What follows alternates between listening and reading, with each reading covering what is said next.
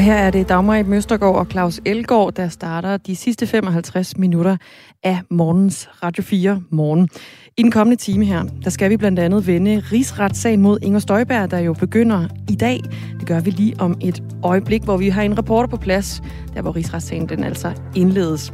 Vi skal også snakke om øh, patienter med, med forskellige typer af kræft, relateret øh, til blodet, som ikke har dannet antistoffer med, mod covid-19, hedder det. Selvom de sådan set allerede har fået øh, to vaccinestik. Det er noget ny forskning fra Odense Universitetshospital, og vi snakker med overlægen fra OH, Henrik Ditzel, om øh, netop det klokken 20 minutter over 8. Derudover så skal vi også vende øh, højesteretsdommen i går, der opløste banden Loyal to Familia, og vi vender altså også lige en øh, dansk sejr i en VM-kvalifikation. I aftes der spillede Danmark nemlig øh, VM-kvalifikation mod Skotland og endte med at vinde en 2-0 sejr på hjemmebane i en propfyldt park. Vi taler med Dan Grønbæk om øh, den sag. Det er her i Radio 4 morgen. Du kan som sædvanligt byde ind på sms'en. Den hedder 1424. Du starter med R4, laver et mellemrum og sender din besked afsted. Godmorgen.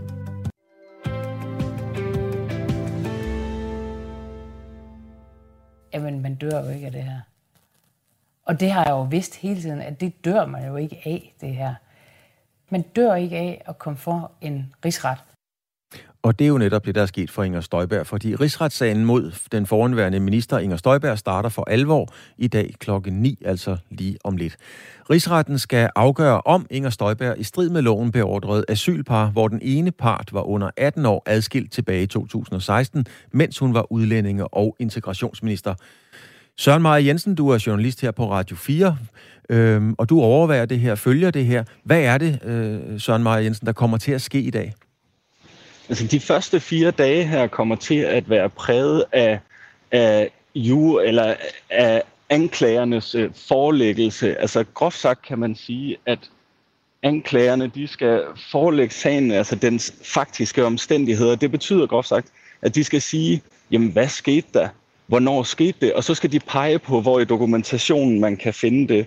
Og bagefter så får forsvarende så mulighed for at komme med input, og alt det her, altså den her tidslinje, kan man måske kalde det, skal på plads, inden øh, Inger Støjberg som øh, tiltalt tager plads i vidnesbanken. Lad os lige, øh, jeg riser lige så nogle, nogle ting op. Altså, sagen startede den øh, 10. februar 2016, hvor Udlændinge- og Integrationsministeriet udsendte en pressemeddelelse, hvor der stod, at alle asylpar skulle adskilles, hvis den ene var under 18 år. Den meddelelse blev af embedsværket opfattet som en instruks og man begyndte at adskille parerne. Instrukskommissionen slog i december fast, at instruksen om, at alle asylpar, hvor den ene part var under 18 år, var klart ulovlig. Og at Inger Støjbergs hensigt med praksisændringen var, at der skulle ske en undtagelsesfri adskillelse af parerne. Hvilken rolle spiller denne her lange rapport fra Instrukskommissionen i denne her kommende rigsretssag? Hvis man skal tegne det hårdt op, så spiller den ingen rolle. Øh, fordi rigsretten, den skal øh, undersøge forløbet selv og komme frem til sine egne konklusioner. Og så er der jo den forskel på en kommission, at en kommission undersøger et forløb, men placerer ikke ansvar. Og rigsretten har muligheden, eller kan placere et ansvar hos Inger Støjberg for den her ulovlige praksis, hvis det er det, de kommer frem til. Instrukskommissionens rapport, den kan dog bruges enkelte steder, fordi mange af de vidner, som har udtale sig til instrukskommissionen, de vil højst sandsynligt også blive indkaldt her i rigsretssagen, og så kan man ligesom forholde de her vidner, hvad de tidligere har sagt. Så, så denne her rapport er ikke det, som man i, i vores fag sådan populært kalder en smoking gun?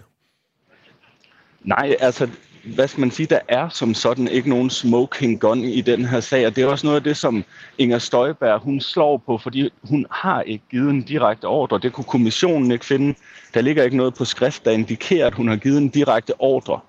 Spørgsmålet er jo så, om hun kan dømmes alligevel, men det er jo rigsretten, der skal tage stilling til det. Et flertal i Folketinget besluttede på baggrund af Instrukskommissionens rapport at rejse tiltale ved rigsretten mod Inger Støjberg for som minister at være ansvarlig for den ulovlige adskillelse, øh, adskillelse af, af parerne. Det er sådan, øh, det er sådan ridset op. Sådan, hvordan forholder Inger Støjberg sig så til, til anklagen? Hun har fastholdt sin uskyld hele vejen, og som jeg lige sagde før, så det her med, hun siger, hun har aldrig givet nogen ordre om det her. Hun havde en interesse om, at så mange par som muligt skulle adskilles, men at det selvfølgelig skulle ske efter loven. hendes advokater har også øh, været ude her til morgen og sige, at de går efter en frifindelse. Så det er Inger Støjbergs standpunkt i den her sag. Og lad os lige uh, tale lidt om, hvad sådan en rigsret egentlig er for en størrelse. Den kommende rigsretssag er den 6 den 6. i Danmarks historien. Sagen skal afgøres af 26 dommer, 13 højesteretsdommer og 13 politisk udpegede lægdommer, som det hedder. Der er afsat 36 retsdage til hovedforhandlingen, og der afventes dom i sagen inden jul. Øhm, har vi noget overblik over, øh, hvem der skal afhøres? Hvem er de væsentlige vidner, der skal afhøres? Altså man kan sige, at Inger Støjberg som tiltalt er selvfølgelig hovedpersonen, men for september kan vi se vidnelisten og hvornår de er indkaldt. Og her er der altså nogle centrale figurer fra departementet, som var tæt inden omkring beslutningen, da den her pressemeddelelse blev sendt ud. Det er en tidligere afdelingschef. Det er Inger Støjbergs tidligere øh, særlige rådgiver eller spindoktor, om man vil, Mark Thorsen. Og så er det den tidligere departementschef. Så det er nogle helt centrale personer, som kommer ind, når Inger Støjberg hun er blevet afhørt. De her helt centrale personer og vidner, som, øh, som du kalder dem, Søren, er det, øh, er det nogen, man, man formoder vil vidne til fordel eller imod øh, Inger Støjbergs sag? Altså, man kan sige, Lykke Sørensen, da hun blev afhørt i Instrukskommissionen, så er hun en af dem, der bliver fremhævet som en person, der flere gange har forsøgt at råbe vagt i gevær og sige, vi bliver nødt til at overholde loven. Man kan ikke bare adskille alle par kategorisk. Der skal en individuel vurdering til. Og så på den anden side kan man sige, at Mark Thorsen og Uffe Tordal, de var med, de var med til at øh, sanktionere, at den her pressemeddelelse, som kom ud, den levnede jo overhovedet ingen plads til øh, individuelle vurderinger. Og det var de blandt andet med til, men de, ligesom Inger Støjberg, i hvert fald i Instrukskommissionen, forklarede, at det bagvedliggende, den bagvedliggende aftale var, at der skulle ske en individuel vurdering. Så pressemeddelelsen var politik, og bagved så vidste man, okay, vi skal følge reglerne. Søren Meyer Jensen, du står jo faktisk øh, ved rigsretten. Vil du ikke lige prøve at, at lige tegne et kort billede af her, hvad det er, der sker på stedet lige nu? Jo, altså nede ved kanalen i København ligger det her Ejkveds Pakhus. Jo, det er der, der har været rigtig mange af de her coronapressemøder. Men i dag, så er der altså lidt nogle andre mennesker, der er her. TV2 er her. Det er her. Okay, det ville de nok også være, hvis det var et coronapressemøde. men der, men der er juraprofessor øh, Frederik Våge, han er her. Der er rigtig mange journalister.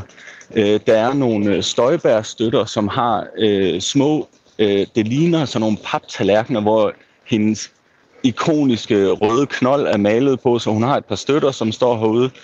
Øh, og så altså, der er ved at være et opbud, og vi forventer jo også snart, at øh, advokaterne og Inger Støjberg ankommer her til retten. Tak skal du have, Søren Maja Jensen. Vi har lovet dig, fordi du er jo også var arbejdet i den grad. Vi har lovet at slippe dig aller, aller senest 8.15, og det er lige om snart. Tak fordi du kunne være med. Ja, klokken den er altså 14 minutter over 8 nu, så er der lige, ah, han har lige halvandet minut til at gøre sig klar til et uh, doorstep, som uh, skulle ske her 8.15. Claus, vi har fået en helt stak sms'er på uh, den historie, vi havde i sidste time, hvor vi snakkede med uh, Peter Laversen jo, som er administrerende direktør hos Iblauersen APS. Det er en virksomhed, der sælger boligartikler til hele verden, og særligt i Tyskland.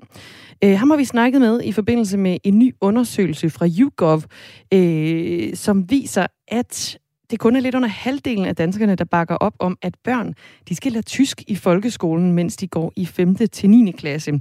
Peter Laversen han mener altså, at det er en absolut nødvendighed, at man holder fast i de tyske kundskaber, Især fordi det er noget, han også faktisk efterspørger i, øh, i sin virksomhed.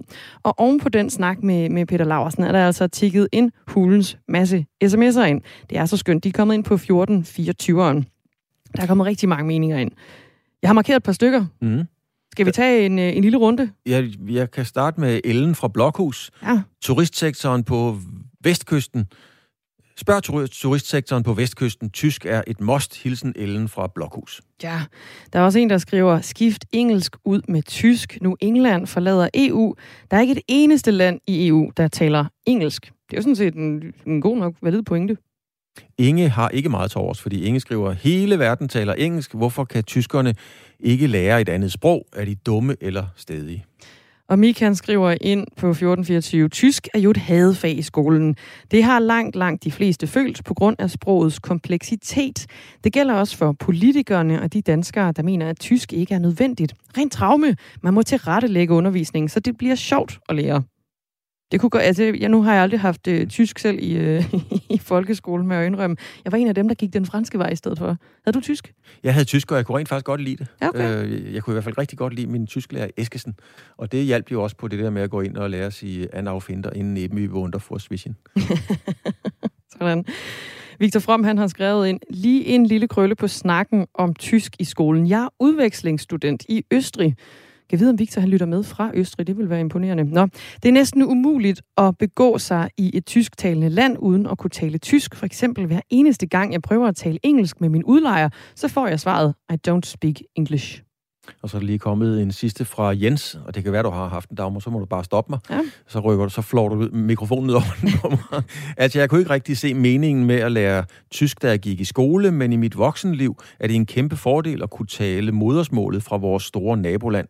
Både i forhold til rejser, men også på mit job er det fantastisk at kunne tale både engelsk og tysk flydende. Venlig hilsen, Jens delte meninger. Nogle mener, man skal bare snakke engelsk, og andre mener, man altså skal holde fast i de tyske kundskaber, også her hjemme i Danmark. Bliv ved med at sende sms'er ind, de er meget velkomne. Du sender dem ind på 1424, starter med R4 og laver et mellemrum og skriver din besked.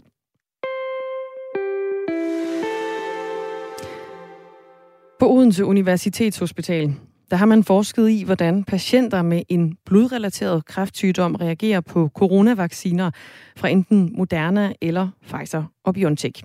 Det kan for eksempel være kræftsygdomme som leukemi eller lymfekræft. Og forskningsresultaterne, de er ifølge Avisen Danmark klar, men altså ikke særligt positive. 53 procent af de kræftramte patienter, som deltog i førnævnte forskning, var altså ikke fuldt beskyttet mod coronavirus tre måneder efter det andet vaccinestik. Og 23 procent de udviklede, øh, af kræftpatienterne her, de udviklede faktisk slet ikke målbare antistoffer mod covid-19. Det vil altså sige, at vaccinerne de simpelthen slet ikke hjalp på hver fjerde patient med en øh, blodrelateret kræftsygdom. Henrik Ditzel, godmorgen. Godmorgen. Forskningsleder, professor og så også overlæge på onkologisk afdeling på Odense Universitetshospital. Hvor overraskende er de her resultater i din optik? De er ikke helt så overraskende, som man umiddelbart lige vil tro, fordi vi kender fra andre vacciner, øh, for eksempel influenzavaccine, at øh, den her gruppe patienter også har svært ved at rejse et immunrespons mod øh, influenzavaccinen. Øh, så det er sådan et generelt øh, ting, at øh, på grund af deres sygdom eller på grund af deres behandling, så øh, reagerer de dårligt øh, over for forskellige vacciner. Ja, eller endda jo slet ikke. Det er jo faktisk øh, hver fjerde patient med en, en blodrelateret kræftsygdom, som slet ikke udvikler antistoffer efter en, øh, en vaccine, og så er det over halvdelen, der kun har, øh, har været delvist beskyttet ifølge den her nye forskning mod corona. Hvad er årsagen til, at, at, at, det, at tallene ser sådan ud? Altså, hvor ligger, kan man sige, udfordringen? Hvorfor, hvorfor kommer der ikke en bedre, øh, et bedre immunforsvar efter en coronavaccine, hvis man har de her øh, kræftsygdomme? Ja, det er jo fordi, at selve kræften den angriber blandt andet de celler, som er med til at lave det her immunrespons. Så, så de har en nedsat effekt, Øhm, og samtidig så også noget af den behandling, vi giver til de her patienter, er jo netop øh, rettet mod de her øh, underartede celler, som er i de øh, immunapparatede celler øh, for de her kraftformer. Så, så kan vi sige, i det vi forsøger at udrydde de øh, underartede celler, så nedsætter vi også immunresponset for de her patienter. Og, og hvad, når, når immunresponset den, den bliver nedsat for, for patienterne, hvad betyder det så for, for, for en patient, at de ikke har udviklet antistofferne i deres... Øh, altså, hvad betyder det for, for liv og hverdag? Ja, altså for det første skal vi jo lige sige, at øh, det vi har undersøgt i vores studie, det er jo så antistoffer og øh, T-cellerespons, som er to vigtige arme i immunresponset. Men vi ved stadig ikke helt præcis, hvad betyder det, hvis man har en, en, en, en, en, en lille, men, øh, men øh, øh, målbar øh, mængde antistoffer. Er det nok til, at man får et øh, noget mildere forløb? Det der er noget studier, der viser, at det nok er tilfældet, at hvis man bliver, får øh, infektionen, så vil den være lidt mildere end, end ellers. Øh, men ellers betyder det jo øh, for, for patienterne, at de må kan man sige, isolere sig lidt, men ikke for meget. Altså, man skal jo, det, det er jo sådan en balanceakt, øh, øh, som egentlig er på individuel basis. Hvor, hvor meget øh, synes man, man skal isolere sig i forhold til øh, også at have et, et rimelig godt liv. Øh, så det er sådan en balanceakt. Der, der er nogle ting, som man må sige, det her, det vil jeg bare, øh, og så må jeg tage den risiko. Øh, fordi det er jo heller ingen, kan man sige, der er jo ikke noget formål i at, øh, og øh, få et elendigt liv i, i, i en lang periode, hvis, hvis, hvis, øh, øh, altså, hvis man ikke så får noget ud af det, kan man mm. sige. Mm. 524 patienter med øh, kræft har deltaget i det her forskningsprojekt fra Odense Universitetshospital. Ud af dem, der havde 201 såkaldte solide kraftformer, der eksempelvis kan være i bryst, lunge eller i prostata, og resten de havde så blodrelaterede kraftsygdomme. Patienter med de solide kraftformer, de udviklede antistoffer mod covid-19 på næsten samme øh, niveau som raske vaccinerede. Men over halvdelen af patienterne med blodrelaterede kraftsygdomme, de var altså ikke øh, fuldt beskyttet mod coronavirus tre måneder efter andet vaccinestik. Henrik Ditzel, hvad de her 23 procent, der nu øh, slet ikke er beskyttet mod covid-19 på trods af to vaccinestik, hvad, hvad skal man gøre for dem nu? Ja, det er jo heldigvis sådan, at øh, Sundhedsstyrelsen er lige kommet ud med retningslinjer her for øh, øh to dage siden, at, øh, at man tilbyder dem et tredje stik. Så det bliver de hematologiske kraftformer, som får det her til, tilbudt, samt øh, dem med de solide kraftformer, som har fået kemoterapi under deres vaccinationsproces. Så der er ligesom to grupper der, både de hematologiske patienter og så en, en mindre gruppe af de onkologiske patienter, dem med de solide kraftformer. Mm. Så kan vi sige, håbet er her, at øh, den her tredje stik, og man kan også kalde det en slags boost, vil gøre, at de får øh, et bedre respons. Øh, det vil nok svinge en hel del fra patient til patient, men man kunne sagtens forestille sig, at en patient, øh, der var i, på et andet sygdomsstadie, øh, nu når de får deres tredje stik, vil øh, kunne rejse et, et rimelig godt immunrespons. Det kunne også være, at de her patienter var stoppet med noget af det behandling i en periode, så vil de måske også kunne rejse et bedre immunrespons. Så jeg synes, det er rigtig godt, at Sundhedsstyrelsen er kommet ud med de her nye retningslinjer. Men, men vi ved reelt set ikke, hvad det her tredje øh, coronastik det helt præcist kan gøre ved, ved øh, immunforsvaret over for corona. Det, det er helt rigtigt. Altså, det vil være forskelligt fra individ til individ, men samlet set vil vi forvente, at en stor del vil øh, kunne rejse et immunrespons men der vil være enkelte, som der nok ikke vil gøre det. Mm.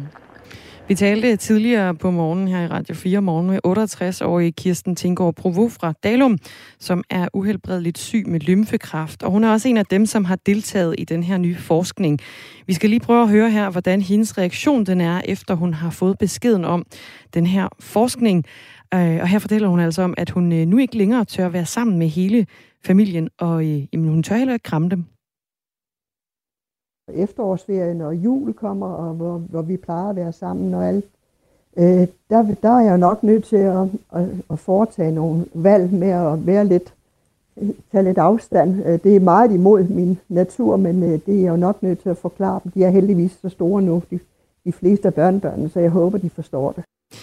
Det er altså øh, Kirsten Tinggaard Provo, som er, er kraftsyg og, og har fået besked om, at de to coronavacciner, hun har fået, de virker faktisk ikke helt efter, efter hensigten.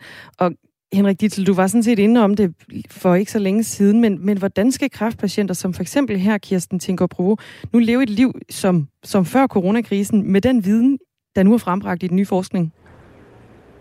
Ja, det er jo en rigtig vanskelig situation, øh, øh de her patienter er i. Øhm, og og øhm, som jeg sagde, så tænker jeg, at det er sådan lidt øhm, individuelle valg, man må gøre.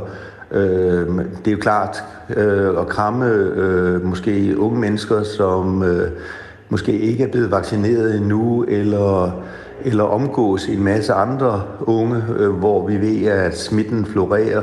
Øh, det er nok ikke en optimal øh, ting at gøre. Øh, en ting kunne være måske bedre, at øh, de blev testet, inden at de var sammen med deres øh, øh, øh, mormor.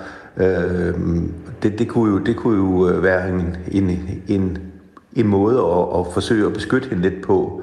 Øh, den eneste måde, som vi kommer rigtig øh, den her gruppe til hjælp, det er, at hvis vi opnår det her flokimmunitet, som vi øh, har snakket så meget om i den sidste sene periode, det er, vi skal jo op på de der gerne 90 procent af den raske befolkning, der bliver øh, vaccineret.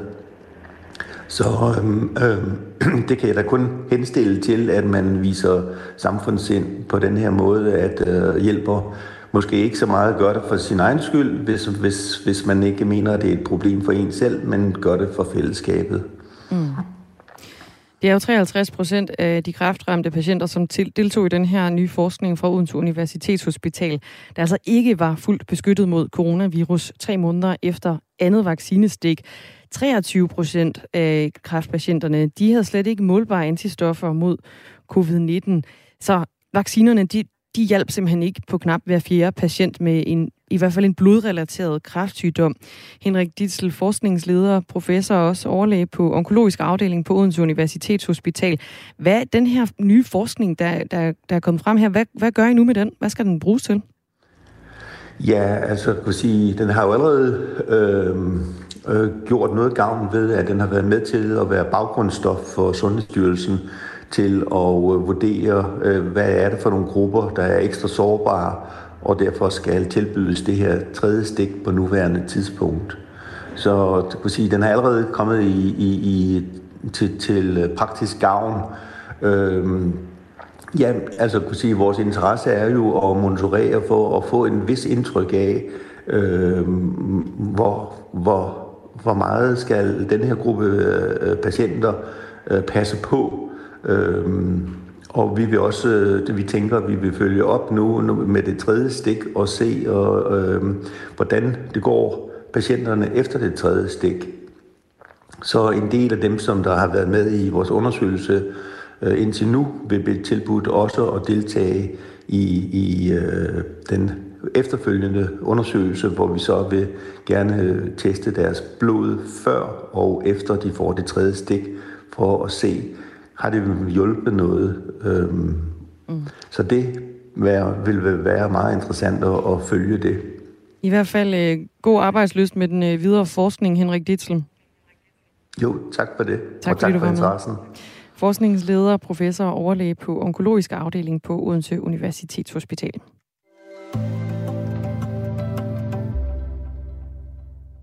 Der er kommet en øh, hulens masse sms'er. Ja, kan vi, øh, kan vi nå at samle lidt op på dem og have overblik over, hvad det er jo, det er jo stadigvæk de her tyske øh, sms'er, som der er kommet en, øh, en hulens masse øh, af. Det handler jo om, at øh, der er mindre og mindre opbakning til at få øh, lært tysk i folkeskolen fra 5. til 9. klasse. Det er en ny undersøgelse fra YouGov. I den forbindelse talte vi så med en administrerende direktør i en dansk virksomhed, som altså efterspørger nogle tysk kundskaber. Vi har efterspurgt sms'er også fra dig, hvad du tænker, på, øh, tænker om, øh, om den sag, og der er blandt andet Ivan, der skriver ind, Godmorgen, jeg har rigtig meget ud af at kunne tysk. Har fire tyske kolleger, hvoraf den ene har kørt i Danmark i 27 år. Han kan ikke et ord dansk, og det må være en falit erklæring. Og så er der en her, der hedder, det eneste land, vi har landegrænser til, er Tyskland, og det er vores største eksportmarked. Det er så ringe, at tysk ikke er obligatorisk for alle. Lars, som øh, hvis PT bor i øh, kendestederne. Han skriver, at tysk er uundværligt, hvis man beskæftiger sig med Danmarks historie, ikke mindst vedrørende Sønderjylland 1864-1920, hvor arkivalier og andre originale kilder er affattet på tysk, skriver han herind på 1424. Og så kommer der en her. Guten Morgen jeg kan flydende tysk. og, og det er da vigtigt, at danskerne kan tysk. Alt andet er da fordummende. Det skriver, øh, det skriver Ina. Det blev den sidste sms, vi nåede, inden vi giver stafetten videre til Anne Philipsen, som har nyhederne klar klokken er halv ni.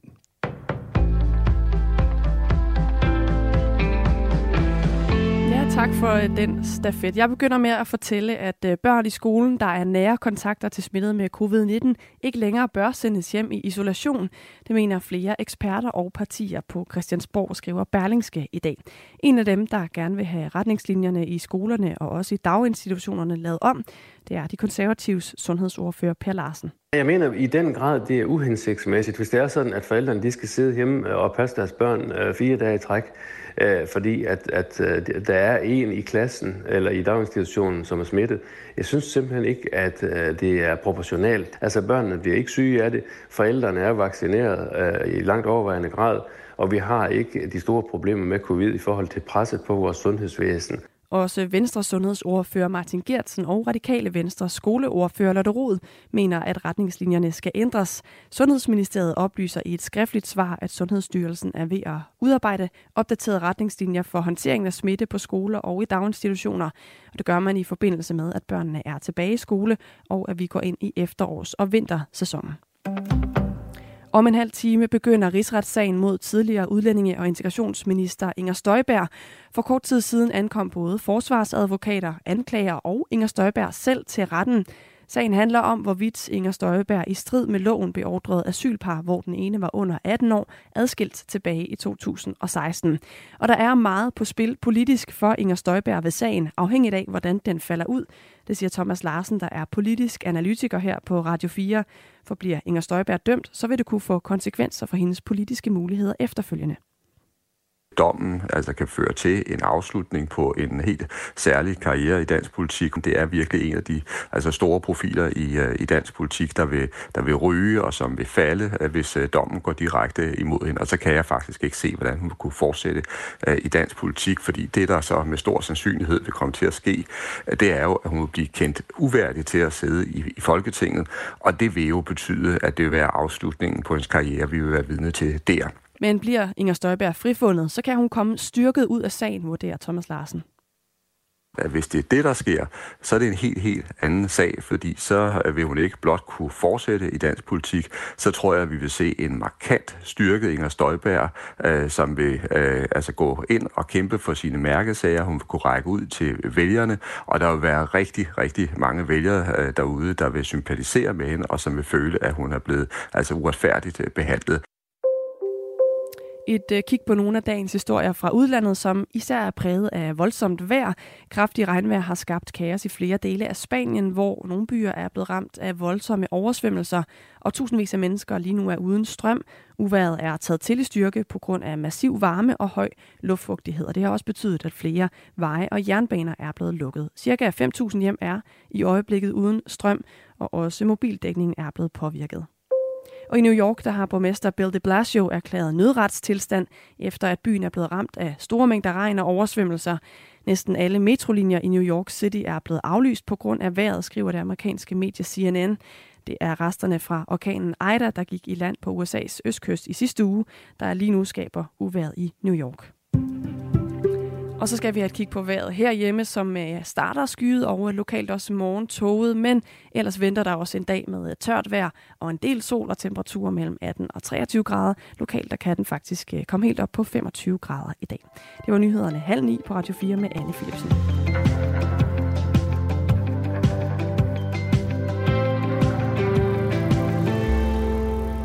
Godmorgen. Godmorgen. 26 minutter i 9. Her er det Radio 4 Morgen, du har tændt op for, og tak skal du i hvert fald have for det. Loyal to Familia er blevet forbudt. I går blev landsrettens dom nemlig stadfæstet i højesteret, hvor landets øverste domstol skulle beslutte, om bandegrupperingen Loyal to Familia kunne forbydes ved dom og lov. Højesteret begrunder det med, at der er tale om en forening, der har begået omfattende og alvorlig kriminalitet. Dermed har foreningen et ulovligt øje med og kan opløses efter grundlovens paragraf 78 stykke 1. Så vidt juraen. Nu til det, det kommer til at betyde. Godmorgen, Sune Fischer. Godmorgen. Du er krimi-reporter, kriminalreporter på Ekstrabladet, og jo også en af mændene bag podcasten Bandeland. Hvad kommer der nu til at ske med Loyal to Familia? Jamen, der kommer ikke til at ske de store ændringer, fordi selve forbuddet der, det er jo, har jo flere år på banen. Altså, det her, det har bare været rent jura. Kunne det lade sig gøre, eller kunne det ikke lade sig gøre? Mm. Men altså, som vi ser det så, altså, banden, den er jo i fuld vi gør nu, øh, selvom den er ulovligt gjort. Det handler jo meget mere om signal, hvad, signalgivning og sådan noget af den slags, ikke? Flere lyttere har skrevet ind til os med spørgsmål angående den her dom og Loyal to Familias fremtid. En af dem er fra Marianne. Hun skriver, som om LTF ikke kan danne en ny forening og fortsætte med deres kriminalitet. Det er skræmmende, at mange af vores politikere er så uvidende om bandemiljø. Øh, kan de ganske enkelt bare danne en ny forening og fortsætte kriminaliteten på den måde? Jamen, det er jo ikke tale om en, en sportsforening på den måde, at man så bare åbner en ny forretning eller en ny forening der. Altså teknisk set, altså ret beset, så øh, kører LTF jo videre nu, og øh, det er samme struktur, den er bare ulovlig. Øh, og det, det handler jo især om signalgivning, som jeg sagde før, der, ikke? altså t-shirts og tatoveringer og kasketter.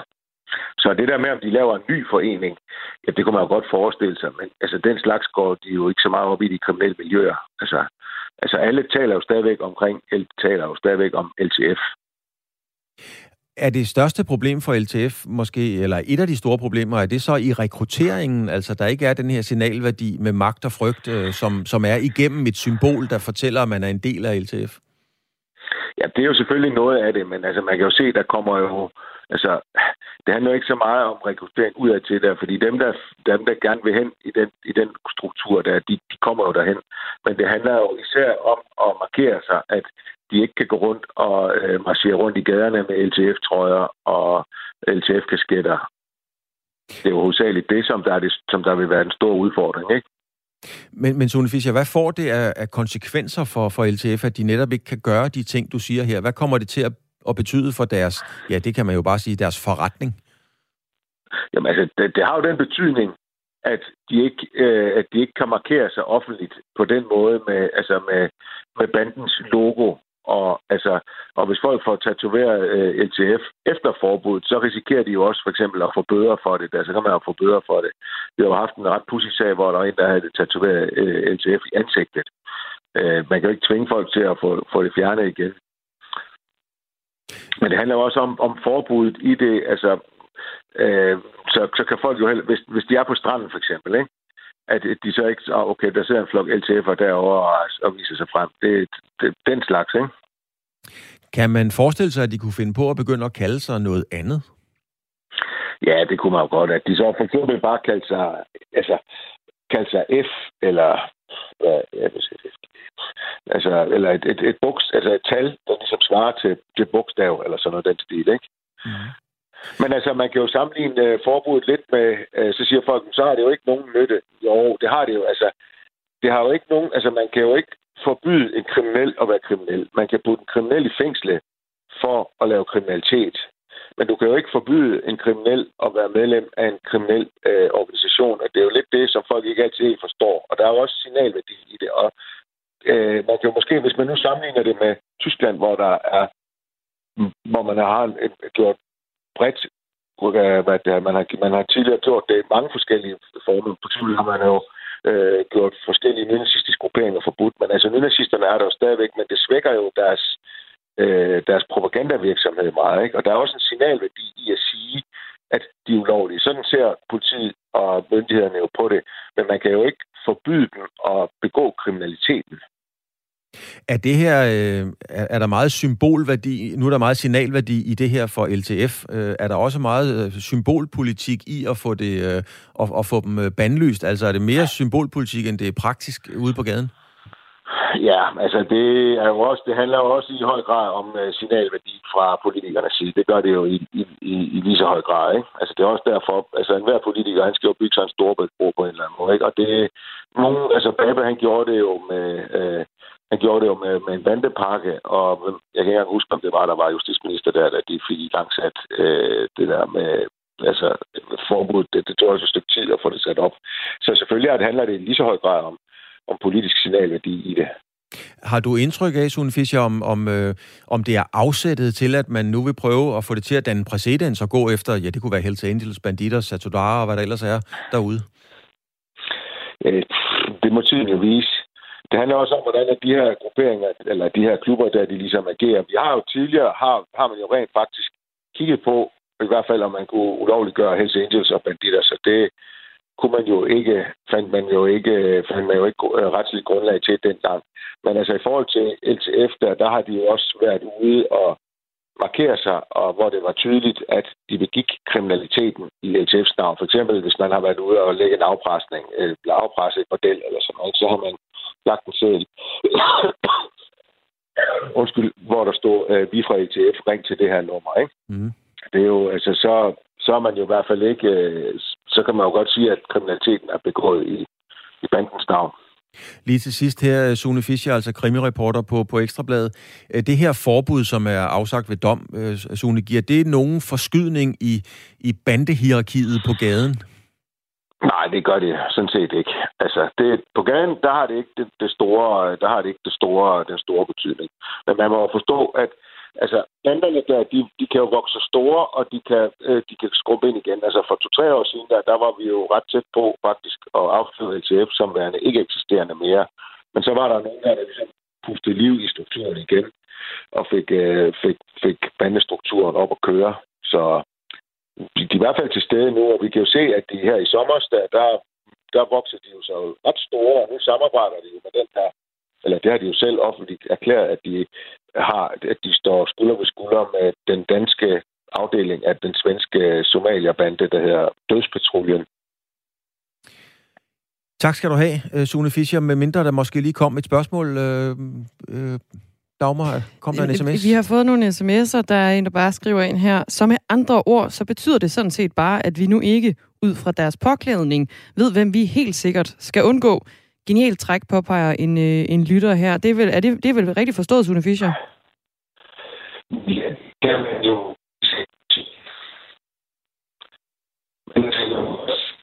Nu er den helt gal med lyden.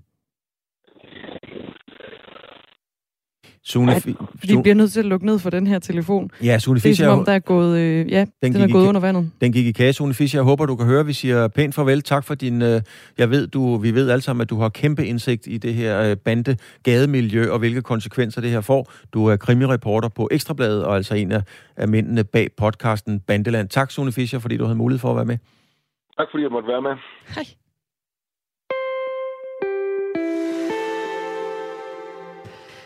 Syv år efter, at højesteret satte et punktum i den spejede sag mellem Jensens Bøfhus og Jakob Jensen fra Sæby, øh, der ville have lov til at kalde sin restaurant for Jensens Fiskerestaurant, så er en ny navnestrid brudt ud på, øh, i, i restaurantbranchen, i restaurationsbranchen. Den her gang, der er det i Asnes i Nordvestjylland. Her der skulle øh, Adam Dragsholms nye restaurant, der åbner i dag, efter planen hed Dragsholm Madsted og ligge omkring 10 km fra det kendte slot, der også rummer Michelin-restauranten, nemlig Dragsholm Slot. Men det mener slotsherre på Dragsholm Slot, Mads Hylleholdt Bøtger, er en krænkelse af deres varemærke, og han har derfor truet med en retssag. Så nu har ejerne af Dragsholm Madsted valgt at skifte navn. Godmorgen, Adam Dragsholm. Godmorgen. Hvad skal jeres restaurant hedde i stedet for? Ja, men det er ved at være nogenlunde officielt, at vi kommer til at ændre restaurantnavnet til uh, Draget Bistro. Draget Bistro? Ja, ja, og det er nemlig fordi, at uh, en drag, det er Dragsholm. En drag, det er sådan en landestribe, øhm, der fører til en holm. Der er kommet navnet Dragsholm. Og i gamle dage, der stavede du D-R-A-U-G-H. Uh, så vi føler, det er langt nok væk fra uh, det, som de siger, vi ikke må hedde. Mm, er det noget, I har vendt med dem, inden I, I rent faktisk har valgt at tage det navn? Nej, det har vi ikke. Men nu synes jeg også, at festen skal stoppe, fordi jeg har også bedt mig om ikke at bruge skråskrift i mit logo. Og så, altså, så... Øh, jeg synes, det er et perfekt eksempel, det her, på et stort øh, virksomhed, der prøver at underminere underkue en lille virksomhed. Øhm, jeg har ikke tænkt mig at ændre skråskriften, og jeg må godt hedde Drag. Øh, det, det er så langt væk fra øh, deres navn, som og så skal jeg i princippet også ringe til Bistro Boheme og spørge, om jeg må hedde Bistro, eller mm. til en madklub og spørge, om jeg må hedde Vadsted. Altså, nu, nu stopper festen, siger mm. jeg bare. Mm. Men Adam Dragsholm, altså nu har I jo så valgt rent faktisk at skifte navn fra Dragsholm Madsted til Draget Bistro. Betyder det så, at I er enige med Dragsholm Slot i, at Dragsholm Madhus, det krænker deres varemærke? Nej, det er vi ikke enige i. Grunden til, at jeg har valgt at placere mig i det område, hvad er det, 8-10 km fra Hørve, hvor øh, Dragsholm Slot ligger. Det er fordi, at jeg har et godt netværk deroppe, og mit incitament for at ligge der er simpelthen, at, øh, at jeg har fået et godt tilbud, og det hele er faldet på plads. Og som sagt, så har jeg et godt netværk der. Øhm, og så laver de noget helt andet mad, end de laver der. Øh, jeg, jeg, jeg kan ikke forstå, at... Øh, jeg er lidt uforstående over for, at man forveksler os med en Michelin-restaurant, eftersom det er en bistro, hvor man kan spise til en tiende del af prisen. Mm. Men hvis I nu ikke er enige i, at, at det, der så skulle have været jeres navn, altså Dragsholm Madsted, det krænkede Dragsholm Slots varemærke. Hvordan kan det så være, at I ændrer navn alligevel? Det er, fordi vi er blevet troet med en retssag. Og øh, som jeg sagde før, så er det et godt eksempel på en stor virksomhed, der underkurer en mindre virksomhed. Fordi øh, vi har simpelthen ikke midlerne til at gå i retten med dem. Men altså, i princippet har de ikke noget juridisk, fordi øh, jeg har undersøgt alt det her, inden jeg ligesom lavede navnet. Øh, webdomænet var ledigt, så normalt når du copyrighter noget, så køber du alle domænerne, der har noget med det at gøre. Uh, og det stod ikke under uh, beskyttede virksomhedsnavne overhovedet. Uh, så jeg, jeg tror, det var okay. Men øh, jeg tror, jeg, for at være ærlig, så tror jeg ikke, de har noget juridisk på det. Men jeg tør ikke uh, tage ud af dansen med Mads Bøtgers advokater. Han har flere penge end mig. Mm. Adam Dragsholm, øh, jeg dækkede rent faktisk en sag med til denne her tilbage i 2007. Den handlede ja. om en galleriejer, der hed Louise Lego Andersen og du kan næsten mm-hmm. regne ud, hvor den bærer hen af. Øh, ja, tak. Der kom en, øh, en protest fra Lego, ganske enkelt, men det blev faktisk slået fast i højesteret, at øh, hun havde ret til at bruge sit øh, familie, altså hun var døbt Lego, så hun, hun vandt simpelthen over Lego i den sag. Øhm, hvorfor har du ikke øh, taget noget, noget kampbånd og så sagt, okay, så tager vi den? Øh, jamen, det er jo bare igen fordi, at øh, det har jeg simpelthen ikke øh, midler til, overskud til og energi til. Øh, det er en nyåbnet virksomhed. Vi, øh, vi, øh, vi har postet alle vores penge i det, og vi, øh, vi kæmper. Øh, med næb og klør, så øh, en retssag med Mads Bøtger og hans advokater, det tør jeg simpelthen ikke, hvis der er den mindste chance for, at jeg taber det.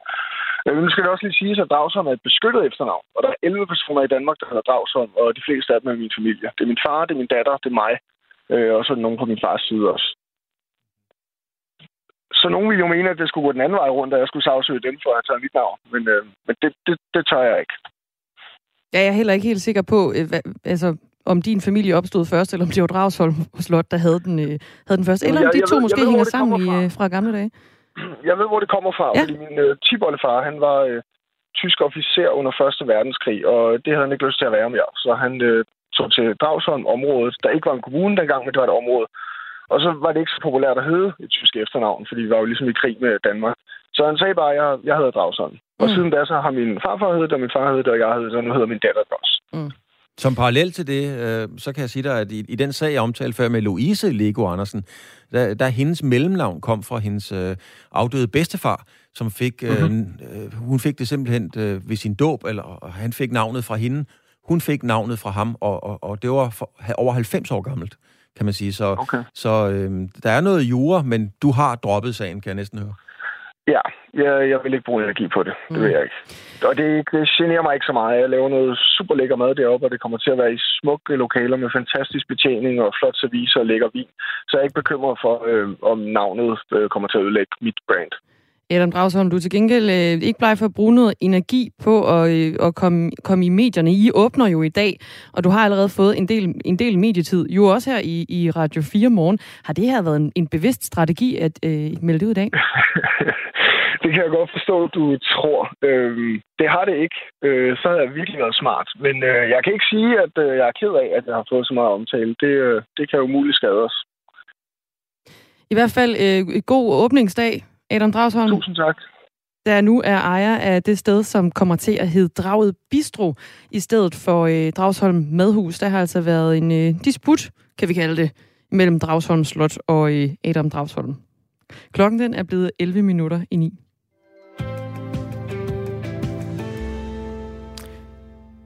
Skal vi tage en kort rekord? Ja, altså noget fodboldsnød. Ja, lige præcis. Noget ja, fodboldsnød. Så, så bliver jeg helt glad igen. Øhm, ja, det handler jo om øh, det her den her fantastiske fodboldspiller, øh, Cristiano Ronaldo, som nu topper listen af, af, af spillere for flest landsholdsmål. Og det var jo efter, at han i går scorede to gange. Han scorede sin mål nummer 110 og nummer 111, da Portugal vandt 2-1 over Irland. Og han viser jo altså bare øh, igen og igen, den her øh, voksne mand efterhånden, jeg tror han er blevet 36, at han øh, bare kan lave mål. Og han er jo også lavet noget specielt, fordi han startede faktisk kampen med at brænde strafspark. Nå. Og det er jo så noget, som uh, Så godt det kunne kan... faktisk have været tre mål. Ja, men, men når man så brænder sådan et straffespark i sådan en meget vigtig VM-kvalifikationskamp, så kan det jo være nogen, der får til at ryste på hånden, men ikke Ronaldo. Han bytter den bare og laver to øh, i overtiden, og det er, jo, det er jo helt fantastisk, ikke? Øhm, og så, øh, der, så nu er han altså alene på toppen. Han har ellers delt øh, topscorerlisten. Inden kampen, der lå han side om side med Ali Dai, der, der har scoret 109 mål for, øh, for det iranske landshold. Der er faktisk en iransk landsholdsspiller, han har scoret 109 mål. Men øh, nu, nu røg øh, Ronaldo altså forbi ham med, øh, med raketfart. Øhm, og der er langt ned til nummer to. Ja. Som de synger, er det ikke Østkysthosters? Der er en nummer to, men der er for langt derned. det er Lionel Messi, og så øh, den øh, emiratarabiske Ali Makhut, der, der begge to har scoret 76 mål for deres respektive landshold. Og ved du hvad, Dagmar, hvis man kigger... Ja, okay, der er langt ned til ja, nummer der, to. der, der er langt ned, ikke? Fra 111 til, ja, til 76. Til 76. Og hvis man kigger på, på, på Ronaldo, altså...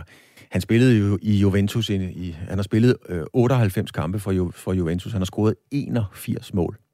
Og han har også spillet i Real Madrid, hvor han har spillet 292 kampe, og der har han lavet 311 mål. Det er jo fuldstændig vanvittigt. I, i United, der scorede han 84 mål i 186 kampe. Øhm, altså, den mand er, er ganske enkelt et, et, et, et fænomen. En målmaskine. En målmaskine. Han hedder jo Ronaldo, fordi hans far, Cristiano Ronaldos far, han havde en yndlingsskuespiller, og han hed Ronald Reagan. Øh, og han okay, er fra det kommer langt væk nu. hey, det er sandt. Han er fra 85, øh, han er fra 85 øh, Ronaldo. Ja. Og han er simpelthen opkaldt efter, øh, efter øh, Ronald Reagan. Okay. Nå, han, okay, så Cristiano Ronaldo har trækker linjer til Ronald Reagan simpelthen. Ikke som præsident, men som skuespiller. Lige direkte. Og øh, det er jo også et, en god overgang øh, til, øh, til vores næste. For Danmark spillede jo VM-kvalifikationskamp i går. Det gjorde hele Europa. Mm. Det blev til en 2-0-sejr over Skotland. Det var på hjemmebane, og det var i parken, der var fyldt til bristepunktet. En af dem, der var med til at fylde parken rigtig godt op, det var dig, Dan Grønbæk, vært på Radio 4's fodboldprogram, Fire på foden. Hvad tog du med fra kampen i går? At der ikke var en eneste i parken, der ville have byttet Cristiano Ronaldo væk fra Mikkel Damsgaard. ja, det er da kort og kontant. Jeg tror jo, du har ret lige i går. Men hvad så du Ej, ellers var, Ah, Jamen, det var en fremragende opvisning. Det var jo øh, en af mine gode kolleger over på Politikken, Søren Lissner, han skriver i øh, sit, øh, sin gennemgang af kampen i dag, at, øh, at den beviste, at EM var mere end bare en sommerfløjt. Altså, det er et øh, varigt forhold, virker det til, at vi er kommet i gang med med det her landshold. Det er aldeles kærligt, det der slags. Så må vi se, om øh, der kommer børn i foran med flere øh, VM-slutrunder de kommende år. Altså, det, det er virkelig, virkelig, virkelig et stærkt landshold, vi har i de her år. Reelt set, så tog, dem, tog det dem noget, der ligner 12 minutter i starten af kampen og smadrede Skotland fuldstændig, og så kørte den hjem derfra. Altså, det var virkelig en imponerende indsats, og, øh, og der er jo flere øh, profiler, der, der gør sig gældende, kan man sige. Det er jo mange af de samme fra landsholdet i sommer. Altså en Mikkel Damsgaard, en Joachim Mæle fortsætter bare i nøjagtigt samme tempo. Og så må vi altså sige, at nogle af de der lidt oversete helte, som vi ikke får snakket nok om, og det er nok mest en, øh, sådan en, øh, en, en fodboldting, fordi i fodbold, der hylder vi jo Cristiano Ronaldo'erne. Vi hylder jo Lionel Messi'erne og Mikkel Damsgaard'erne, dem der, der kan lave den der øh, aflevering, som ingen andre har set, hvor de kan loppe den ind over et forsvarsspil, Joachim Mæle fuldstændig fri til scoring. Men vi glemmer nogle gange at hylde de folk, der jo faktisk gør, at Kasper Schmeichel, han reelt kun har været nødt til at lave to redninger hele den her VM-kvalifikation igennem, som nu er fire kampe gammel. Og det handler altså om en, en spiller som for eksempel Andreas Christensen, nede, øh, han spillede den venstre side i, i vores tremandsforsvar i går. Øh, det så så nemt ud for ham til tider, at det så ud som om, han begyndte at lave fejl med vilje for at have noget at løbe efter. Ja. Altså, øh, og det, var, det, var, det er virkelig imponerende at se den trebakkæde med Simon Kjær og, øh, Andreas Christensen, og så i går med Joachim Andersen på højre siden, som spillede en, øh, en fremragende landskamp, også lukket ned for alt for de her skotske angriber. Altså nu, nu hedder det nu så fire kampe med maksimum point, og så endda en målscore på fuldstændig vanvittig i, i den her sammenhæng, 16-0. Er resten af kvalifikationsturneringen en øh, ekspeditionssag, og så vi er ved VM nu? Altså, jeg tror, at den her Skotland-kamp, den første Skotland-kamp på hjemmebane, det var, det var en nøglekamp, og det tror jeg, så sagde Julemand også på pressekonferencen efter, øh, efter kampen i går. Altså, det er, det er Skotland, der måske er det hold, der kommer til at presse os mest, og derfor så er det enormt vigtigt at få det her store forspring til dem. Når det så er sagt, så tror jeg, det er svært, øh, eller i hvert fald dumt, at, at undervurdere øh, yderligere det pres, vi kommer udsat for, når vi skal møde Skotland på Hampden Park eller senere på efteråret, eller når vi skal møde Østrig på hjemmebane. Østrig er også et godt landshold. Øh, så, så der er et par kampe tilbage, der skal overvindes, men altså de næste to kampe nu mod Færøerne og Israel, det skal være ekspeditionssager. Det skal være, øh, det skal være noget, der ordnes øh, helt nemt en mandag morgen på kontoret med, med venstre hånd, var jeg ved at sige. Og, øh, og hvis det bliver gjort, så ser det altså rigtig, rigtig lovende ud forud for en øh, VM-kvalifikation. Altså landskampen i går var så den første efter EM, og der røg Danmark jo som bekendt ud i semifinalen, og det var også den første kamp, hvor parken har været fyldt, og det er jo snart i to år. Dan, hvordan, øh, du var der jo, hvordan oplevede du stemningen? Øh, stemningen, altså der var, nogle, øh, der var nogle peaks, kan man sige, nogle højdepunkter i stemningen. Altså, øh, alle spillere og trænere havde travlt med efterkampen at sige, at det her det er nøjagtigt det samme som fra EM. Altså, det, det trykkede os fremad. Den her røde mur, som for øvrigt bare var en del af fire længere på stadion, der insisterede på at larme og råbe alt, hvad de overhovedet kunne jamen det, det er bare altså de danske spillere et stykke frem, og, og de skotske spillere sagde også bagefter, at det der jo skete ved, at de kom bagud fra start af, det var jo bare, at de, de fik publikummet vendt imod sig. Øh, fordi, dan, fordi det danske øh, publikum, de var jo øh, de, de, var, de var sådan en, for at bruge en virkelig, virkelig slidt og fortærsket kliché fra fodboldverdenen, så var de virkelig den 12. mand i år. Øh, og det, det var tydeligt at se på, på både de danske spillere, men også på de skotske spillere, at der altså bare var tryk på. Det var hver eneste gang Andreas Christensen lavede en takling, så var der et råb fra, øh, fra, fra lægterne. Så var der nogle højdepunkter, altså, øh, hvad hedder det, øh, nationalsangen inden kampen øh, blev der godt nok sunget igennem på, øh, på trods af, det var faktisk den første gode sangoplevelse op til kampen, fordi øh, man havde insisteret på en DJ i går, øh, inden som insisterede på at lave techno-remix af recepten, og jeg har sjældent hørt noget lignende. Øh, kønt var det ikke. Øh, men øh, undervejs i kampen, så kommer Mohamed Darami også på banen. Det gør han med, med nogle minutter tilbage til, til sidst i kampen, da den reelt er afgjort. Og, øh, og det jubelbrøl, der først opstod, da han kom på banen som en tidligere FCK-favorit, parken ligger jo på Østerbro, det er der, han har haft sin hjemmebane indtil for 14 dage siden. Og så ikke mindst, da Jesper Lindstrøm, den tidligere Brøndby-spiller, så kommer på banen lidt efter, også til en af sine første landskampe, jamen, så, så var der altså de her store brøl fra, øh, fra tilskuerne igen, og det var tydeligt at se på begge de her to unge drenge, der skriver henholdsvis øh, øh 19 eller 20 og 21 år på, på CV'et, at det var altså noget, der betød noget. Der var store smil, da de gik på banen, og det var svært at skjule. Vi skal lige runde øh, den næste kamp, øh, det er jo mod Færøerne, Dan. Øhm, og, og det er jo klart, at Danmark er jo kæmpe, kæmpe favoritter. Vi har fulgt øh, op på de flotte spil fra, fra EM, og nu helt fantastisk i perioder i går mod Skotland. Men i international fodbold er det jo livsfarligt at undervurdere nogen. Hvad bliver det for en kamp mod Færøerne? Det bliver en øh, kamp, hvor vi skal åbne kampen op. Altså færgerne, de kommer til at stille sig dybt og, øh, og stå rigtig dybt øh, på det danske hold, fordi det er deres reelt eneste chance for at få noget som helst med for den, selvom det er på hjemmebane på Torsvøller, eller Torsvalur. Øhm, jeg tror at også, at vi kommer til at se et andet dansk hold mod dem. Altså, Jasper Juhlmann har jo været glad for at rotere indtil videre. Han er glad for at give debuter, som han også sagde på pressemødet i går efter kampen. Og jeg tror, jeg forestiller mig, at en spiller som Rasmus Nissen Christensen kommer til at få spilletid i morgen på højre bak. Altså en, en spiller, som er kommet rigtig godt fra land i, øh, i den her sæson i Salzburg, hans klub, som jo blandt andet slog Brøndby ud af, af Champions League-kvalifikationen øh, for, for en uge tilbage, eller halvanden uge tilbage. Øh, han kommer helt sikkert til at spille på højre bak. Han er vant til at spille på et hold, der i den østriske række skal øh, ud og spille mod de her betonforsvar hver eneste uge, fordi de altid er favoritter. Og det er klart, at de kompetencer, det mindset, det er, det er, det er en gave for Danmark at kunne bringe spil i morgen. Må så ikke også, vi ser en, en angriber som Markus Ingvartsen, må ikke vi ser øh, Mohamed Darami få noget mere spilletid, må ikke en, en Andreas Gård Olsen også skal have en kamp mere for at komme ind og, og, og gøre det godt. Så jeg tror ikke, man skal øh, forvente, at det er den samme kæde, der spiller som i dag eller som i går. Det kommer til at være et øh, markant andet landshold, der spiller kampen på udebane mod Færøerne, tror jeg. Tak skal du have, Dan Grønbæk, vært på vores eget fodboldprogram her på Radio 4, altså 4 på foden. Tak skal du have, Dan. Tak selv. Ja, og øh, sportsnakken den øh, fortsætter sådan set en lille smule på den anden side af øh, Radio 4 morgen og et nyhedsoverblik med Anne Philipsen, fordi der er der nemlig ring til Radio 4 med Ida Sofie Sellerup, og øh, der skal de snakke om øh, ligeløn på landsholdet. Ja, det er et, øh, et, øh, et betændt emne. Det lyder jo så negativt, men det er virkelig noget, der har fået scenene i kog og kan få journalister og skribenter og redaktører øh, op af stolene, og noget, der bliver diskuteret ved kakkelbordene. Det er et super godt emne. Det er nemlig et strålende emne, og det kan du altså lytte med på på den anden side af nyhederne på, øh, her på Radio 4, som øh, kommer lige om ikke så forfærdeligt længe. Claus, vi skal have rundet, øh, rundet morgenen af. Hvordan gør vi det bedst? Der kunne være kommet nogle, øh, der kunne være kommet nogle øh, sms'er. Nej, det er der ikke. Du, runder, du ryster på hovedet Jo, vi har fået den her. Vi har fået en opfølger fra... Øhm, vi har fået en opfølger fra Victor From, som skrev tidligere, at han lyttede med fra Østrig. Det er på historien om tyskkundskaberne i Danmark. Der er altså nedadgående opbakning i forhold til at lære øh, børn og unge i folkeskolen fra 5. til 9. klasse tysk. Han skrev ind, at han øh, lyttede med fra... Øh, eller at han var udvekslingsstuderende i Østrig. Og så spurgte jeg sådan lidt åbent ud i radioen, om han egentlig... Altså, har vi rent faktisk en lytter i Østrig? Det har vi. Victor From, han lytter med fra Østrig. Og det har han skrevet ind til os. Ja, jeg lytter med fra Østrig. Ja, jeg er dybt benovet. Vi har en lytter i udlandet. Simpelthen i Østrig. Det er simpelthen det er storslået, altså. Det er så dejligt, når I byder ind på sms'en og også reagerer på det, vi øh, siger herinde i, i studiet og byder ind. Det gør man selvfølgelig på øh, 1424 som sædvanligt. Det var alt, vi nåede for den her morgen. Vi har været vidt omkring. Det har været lige fra en fodboldkamp mod Skotland over øh, kræft, over covid-19, nye mutationer, øh, og, og, og skal vi lære at tale tysk. Og en rigsretssag mod Inger Støjberg, som begynder om ah, 10, 9, til, 9 sekunder. Simpelthen, så begynder rigsretssagen mod Inger Støjberg. Det er selvfølgelig noget, vi følger med i her på øh, Radio 4 morgen. Klokken er 9, nu er der nyheder.